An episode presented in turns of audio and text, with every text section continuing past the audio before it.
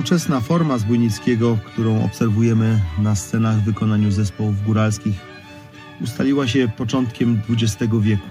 Wtedy, kiedy powstawały pierwsze zespoły góralskie, ale jak wiemy, Zbójnicki nie powstał w XX wieku, bo był to taniec dawnych pasterzy, baców, juchasów, którzy wędrowali na zbój na południową stronę Tatr, a potem po udanym napadzie mogli zatańczyć na polanie przy Waczysku albo w karczmie.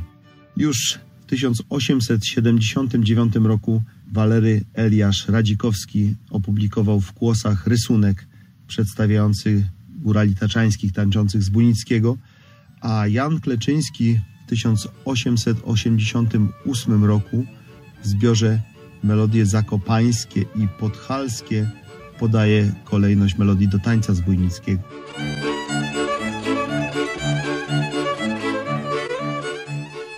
Ale pewne cechy tego tańca przetrwały do dziś.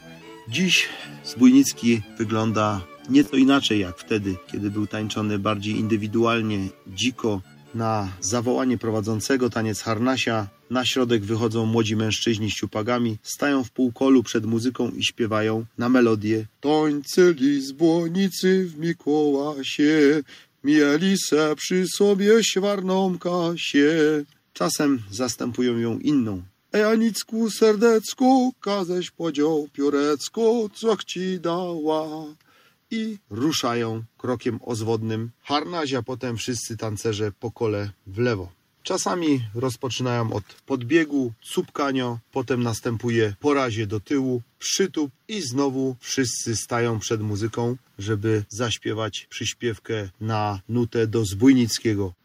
Murowanej piwnicy tańcowali zbójnicy, kozali se pięknie grać i na noski pozierać. Przyśpiewek jest wiele, wiele różnych tekstów. Każda kolejna figura rozpoczynana jest marszem po kole długim krokiem z byrkiem, czyli uderzeniem ostrzami ciupak bokiem jedną o drugie, parami w obrocie, a następnie rozpoczęciem przysiadów w rytm muzyki.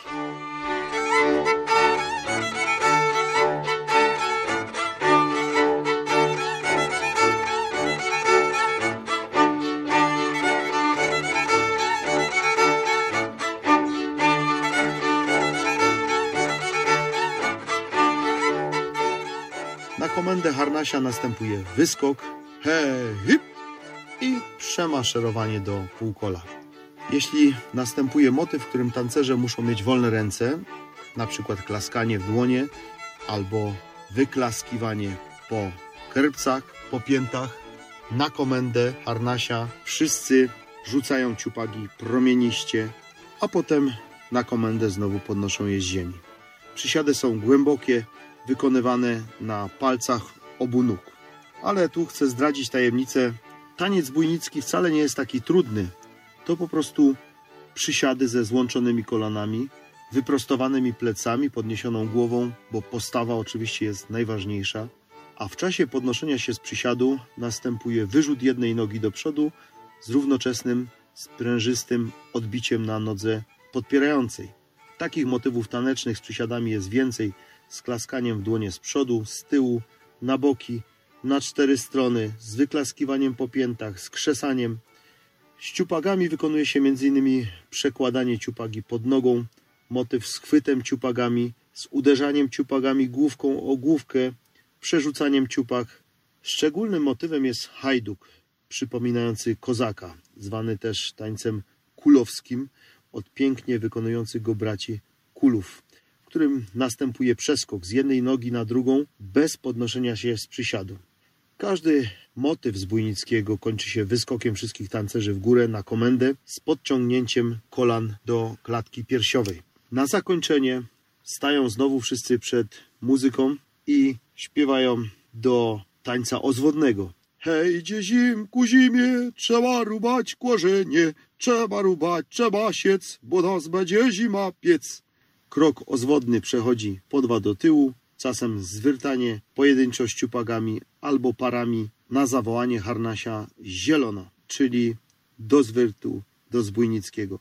Muzyka, czyli kapela, zmienia wtedy melodię, a tancerze zwyrtają się, czyli obracają w obie strony i kończą mocnym przytupem, czasem z byrkiem ciupagami. Dziś z Bujnickiego tańczą i dzieci, ale na scenach dla prawdy historycznej dzieci tak naprawdę mogą tylko bawić się w taniec zbójnicki, ucząc równych kroków marszu, przysiadów, wyskoków. Jednak prawdziwy taniec zbójnicki, orężny z ciupagami, jest przeznaczony dla dorosłych mężczyzn, a kobiety nie biorą w nim udziału.